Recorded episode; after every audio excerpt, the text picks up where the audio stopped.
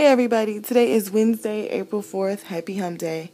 You know what I realized before I begin this podcast? I realized two things. One, when I'm recording, I'm putting my fucking phone on airplane mode because no one ever calls me until I start recording a fucking podcast and it interrupts me and I have to start over. And I hate that shit because when I'm in my groove, I'm in my mode, it's like the hustle and flow type thing. Somebody wants to come and fuck with it. Second, I'm gonna cuss in these podcast, these episodes. If you guys don't like it, please let me know. I'll try to pull it back. But I want to be as honest as I can, and I find, and research have shown, people who curse tend to be more honest. So almost if you don't curse, I kind of feel like you're not as honest or as trustworthy. because when you want to really say how you feel, the words aren't always pretty. But I always try to keep in mind that my grandparents used to tell me all the time, like people who curse aren't smart enough to think of better words. I disagree. As I got older, I can really say I disagree with that. I feel like people who tend to cuss tend to just say how they feel it. They don't they don't want to deal with the bullshit. but one of the topics I want to talk about today, I don't know if it's going to be quickly or not because I think it be it'll be quickly then I'll start talking and it'll be a 30 minute podcast. Um so we'll see. But I want to talk about body shaming because I think oftentimes it's fat shaming. Fat shaming is really focused on like when you shame someone who's overweight, obese, and that's fucked up too. You know, when you watch people struggle with their weight, it's not an easy thing. And you look at celebrities like Oprah, who talked about childhood trauma, and that's usually a reason, a result of it is overeating, it's using food to comfort them through something, right? Uh, and I and I feel like on the opposite end of that, people who are anorexic and bulimia have eating disorders like that also struggle with the same type of mental issues. It's the same type of trauma. It's the same type of. But when you go on the opposite end, I feel like people tend to have more sympathy for you. They feel like they want to get you help because there's something wrong when you don't want to engage in these things because food is supposed to make you happy or give you nutrients or you know it's supposed to do something else, right? And the fact that you don't want it people tend to have more sympathy for you, which is fucked up too, because both of those types of people are struggling with mental issues and trauma. Okay. But I just find it interesting that, for instance, weight loss surgery is really big right now, and people are talking about it for all its health reasons and things. And on the other end of that, you see a lot of people now getting like butt implants or butt shots. Boob jobs have been extremely common for a long time, but now, you know, let's talk about all of it. Because um, the Migos had a dope song. I think it was Quavo who said she got a new ass with the same boobs. You know, like it's interesting what you would get fixed. So, I think that it's interesting as to why this this this new butt fetish and everything is so important. That's why I always love when people post pictures of stretch marks and things because natural booties matter. Because a lot of put people, a lot of women especially, are trying to maintain a realistic body type. But I think it's interesting that people will, will is a, people aren't as upset when people body shame slim girls or super skinny girls, like who, who are naturally skinny without the eating disorders and things. Because I notice that people love to say things like, I eat like a bird. You know, I come, I pick at things. I'm a particular eater of sorts. You know what I mean? And it made me really self conscious when I would sit down with certain people. Or sometimes if I was really hungry, I had no chill. I'm going to eat I'm hungry. I'm gonna eat. I'm a tourist. I enjoy food. People like, oh, you're a lady. You're not supposed to eat like that. You know, you want people to like you and all these other things. And it's, I find it to be extremely um, annoying. And then people find me extremely annoying for always talking about the shit that I don't like. So, you know, I guess we're pretty even with that. I, I don't know. I, I think it's interesting. I think it's interesting that people don't look at that they also shame people for not being curvy enough. I don't know. I was thinking about this time. I, I was a McNair scholar in college, and my advisor felt the need to tell me that I was being a groupie. Okay, because the Morehouse guys were like hosting the event, and one of them was really charming. He was really nice. We ended up being cool, ended up being friends. And he explained to me right away, like, you know, I can't really leave my Morehouse brothers. They'll be around. They're silly. You know, you're kind of a. He didn't say I was a girl's guy, but that was kind of the impression I got, which I, I, in in the way in the context he was using it was very much a compliment. Like I know it's it's cool with you. You know, I know you'll be cool with it. it I mean, if it's not, let me know. I'm like, no, it's cool. You know, I like that y'all have to stick together. I, I like the traditions. I respect the traditions of Morehouse. You know that when you guys are together, you wear suits and things like that. I think that's dope, right?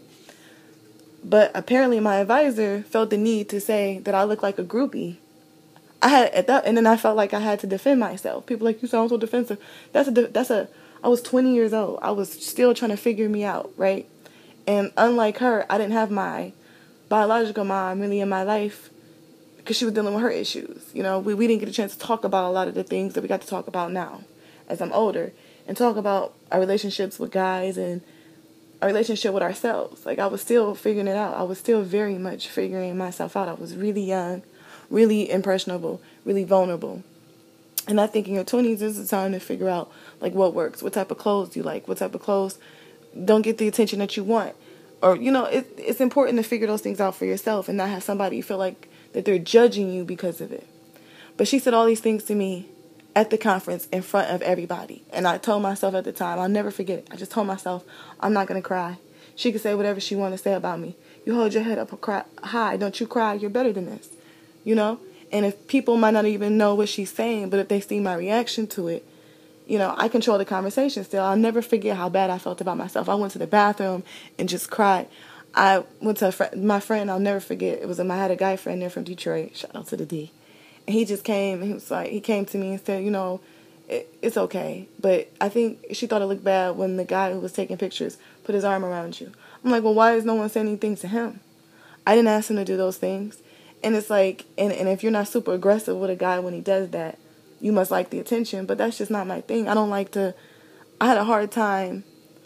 You know, you hear a lot of women say, don't put your fucking arm around me. You don't fucking know me. I wasn't that type of girl. I've never been that type of girl. I've always I've gotten along with my uncles and my older cousins. My uncle's ten years older than me. He's like my older brother. I've always gotten along with him and his friends. And sometimes his friends will say some silly shit and he'll joke back with them.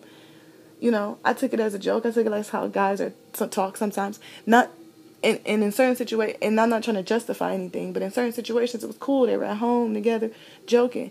I never felt disrespected because if if if it did get too far, my uncle would check it. I never had to worry about that.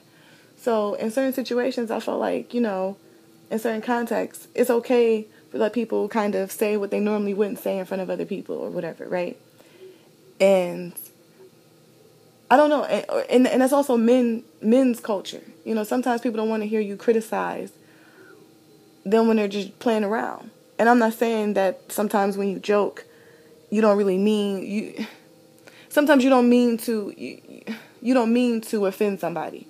You know what I mean? Sometimes you're just being silly. And I took it like that because I had ran into that, that young man several times after that, and I never felt uncomfortable around him or anything like that. I think he was trying to be funny.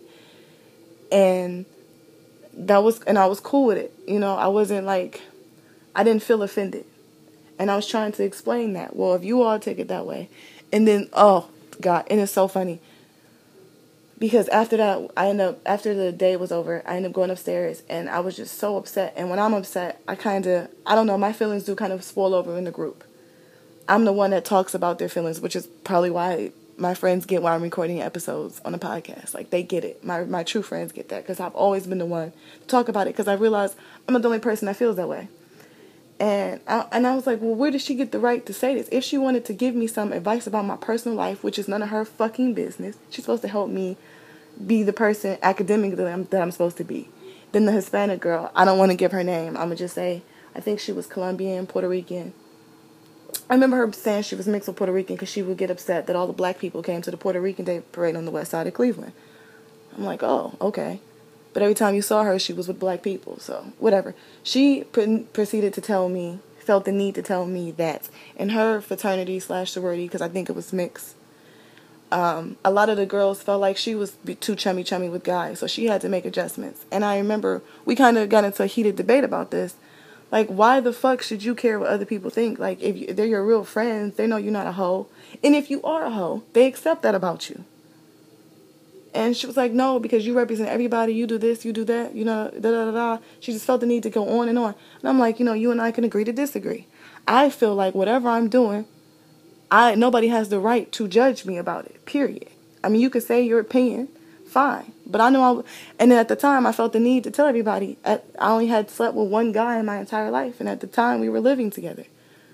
I felt like we were going to get married. Thank God we did not because we were totally wrong for each other. But that doesn't mean we weren't very much in love and I had any regrets about anything that happened. And uh, ironically, I did end up hooking up with the guy who, from Morehouse because he was a Morehouse man and they're very charming. And I was young. I was 20, 21. I had never, you know, I watched all the um, the black cinema. You know, you go to a black college to meet a black guy that you fall in love with. You know, I wanted the Dwayne and Whitley setup. You know, that's the. I watched Thump the Yard. I thought that was going to be my. And then you realize those are movies and that's not real life. And this was just some fun that some 21 year olds had together, which is cool too. Okay. But let's just be clear. I felt the need to like explain myself. And I was so upset. I was upset the rest of the trip. I after that I kept my distance from my advisor and I worked in that office too, as well as was a member of both Student Support Services and McNair, which all fell under the tri- trio umbrella. So I just felt the need to kind of keep to myself. And then my twin sister asked me about it. She was like, "Well, how was Atlanta?" I'm like, "You know, I had a great time." And then I told her about what happened with my advisor, and she said, "This is not cool. It's not cool at all." And my sister is so much more no nonsense about shit like that than I am. I'm I'm usually trying to let it go. I try to be a people pleaser. I try to say, you know, I don't want to cause too much harm, no matter how upset I was. I try to think about, well, this is gonna make everybody else uncomfortable because I feel like if I already talked about it, that was enough discomfort for everybody. And my sister was not having it. But I did talk to my personal advisor from Student Support Services about it, and she told the the the, the not the director, but like the direct the, the assistant director of the program about it, and she wanted to talk about it. And she asked me some questions, and I kind of got a little teary in her office, and I said, because I felt judged. If she wanted to say these things to me, which I didn't think I was doing anything wrong, to this day, I don't think I was doing anything wrong. But if she felt like I was presenting myself in a way that was inappropriate, I felt like she tried to embarrass me instead of try to help me. She didn't pull me to the side. Peaches wants to be noticed. You're my pit bull. I'm gonna kick you out of here. Bye. Go ahead. You want to go out there and see who the mailman, bark at the mailman? Go ahead. Get out of my room. You want to interrupt while I'm recording? Put you on airplane mode. Go ahead out there. You want to be noticed. That's my, you should be silent partner, Peaches, the pit bull. But anyway, so I, I talked to my advisor about it. I talked to the assistant advisor and I told her what happened. And I just said that upset me. And she said, well, I should, I should talk to Tiffany.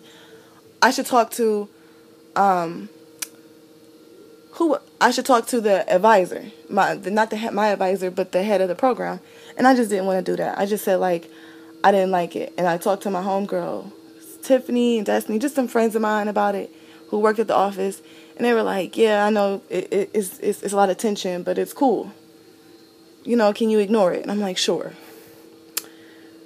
And my sister told my aunt Jackie, and my aunt was like, "Oh hell to no!" So she called the director of the program and talked to him about it.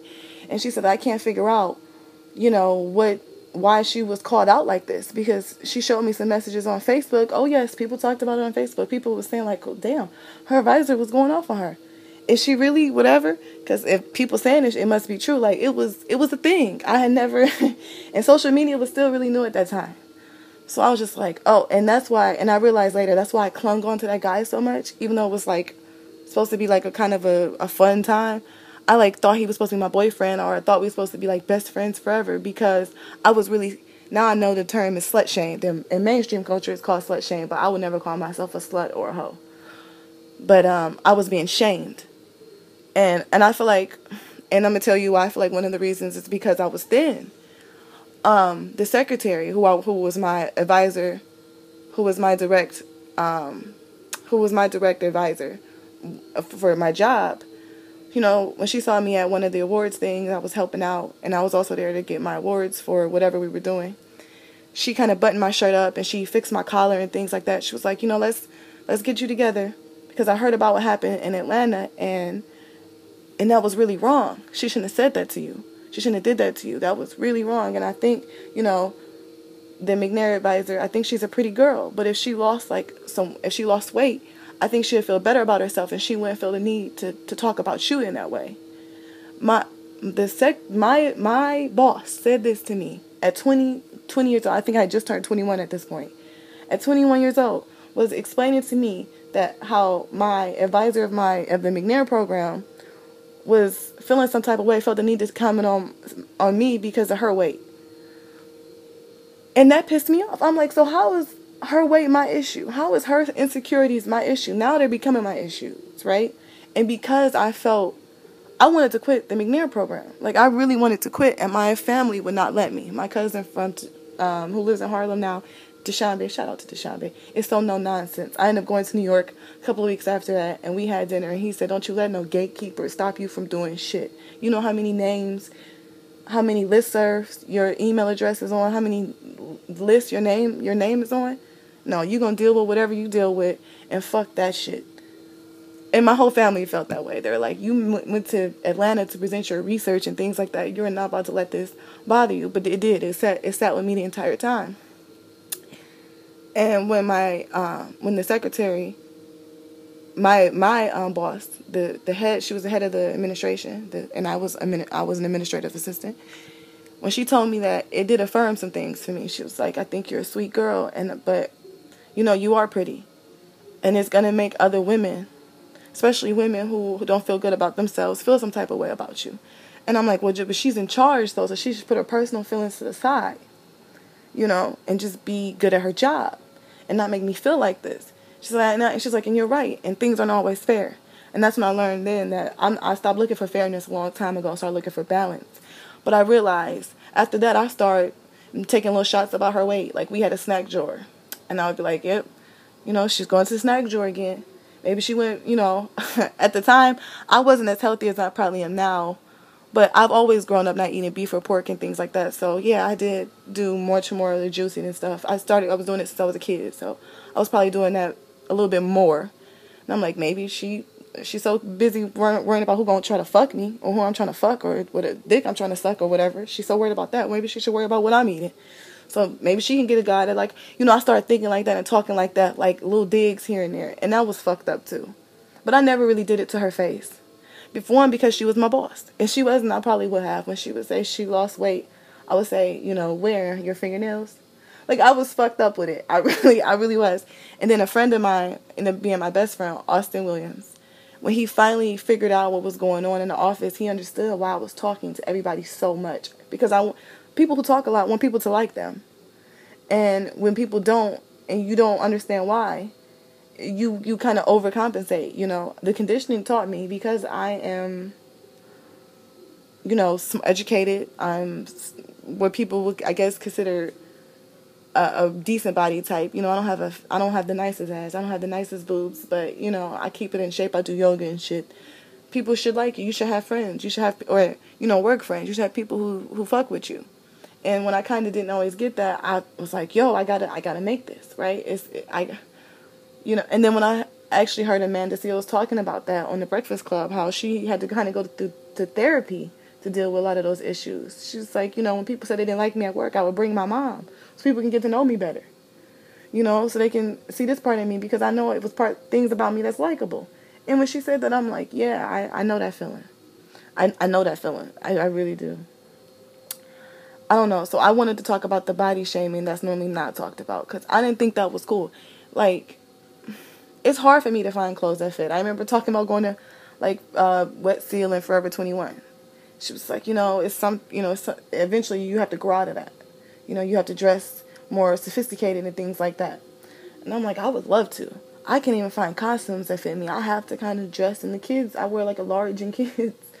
I'm I'm I'm a small girl. I've, I've once I was the tallest girl in class, and that was one year, and that's never been me since. I grew once and stopped.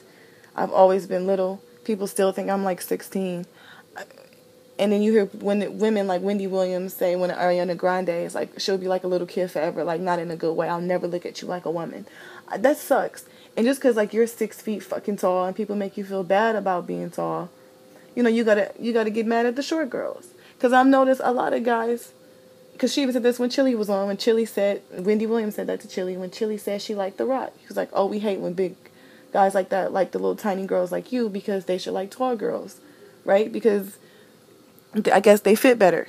And I'm like, "Well, what the fuck does that have to do with Chilli? She gets to like who she likes, and if the guy likes her back, then he likes her back." I, I just, I don't know. I wish we would all stop doing this to each other because it's gonna. I know if anybody talks about me or tries to make me feel bad, I usually try to go back at them in whatever way I can, because that's just it's flight or fight or flight. and that kind of puts you in gives you a lot of anxiety and I don't want to be like that anymore. So I figured if I talk about it, you know, maybe I could not maybe I can own it, be more aware of it. But I realized then that's when I really hated a lot of things.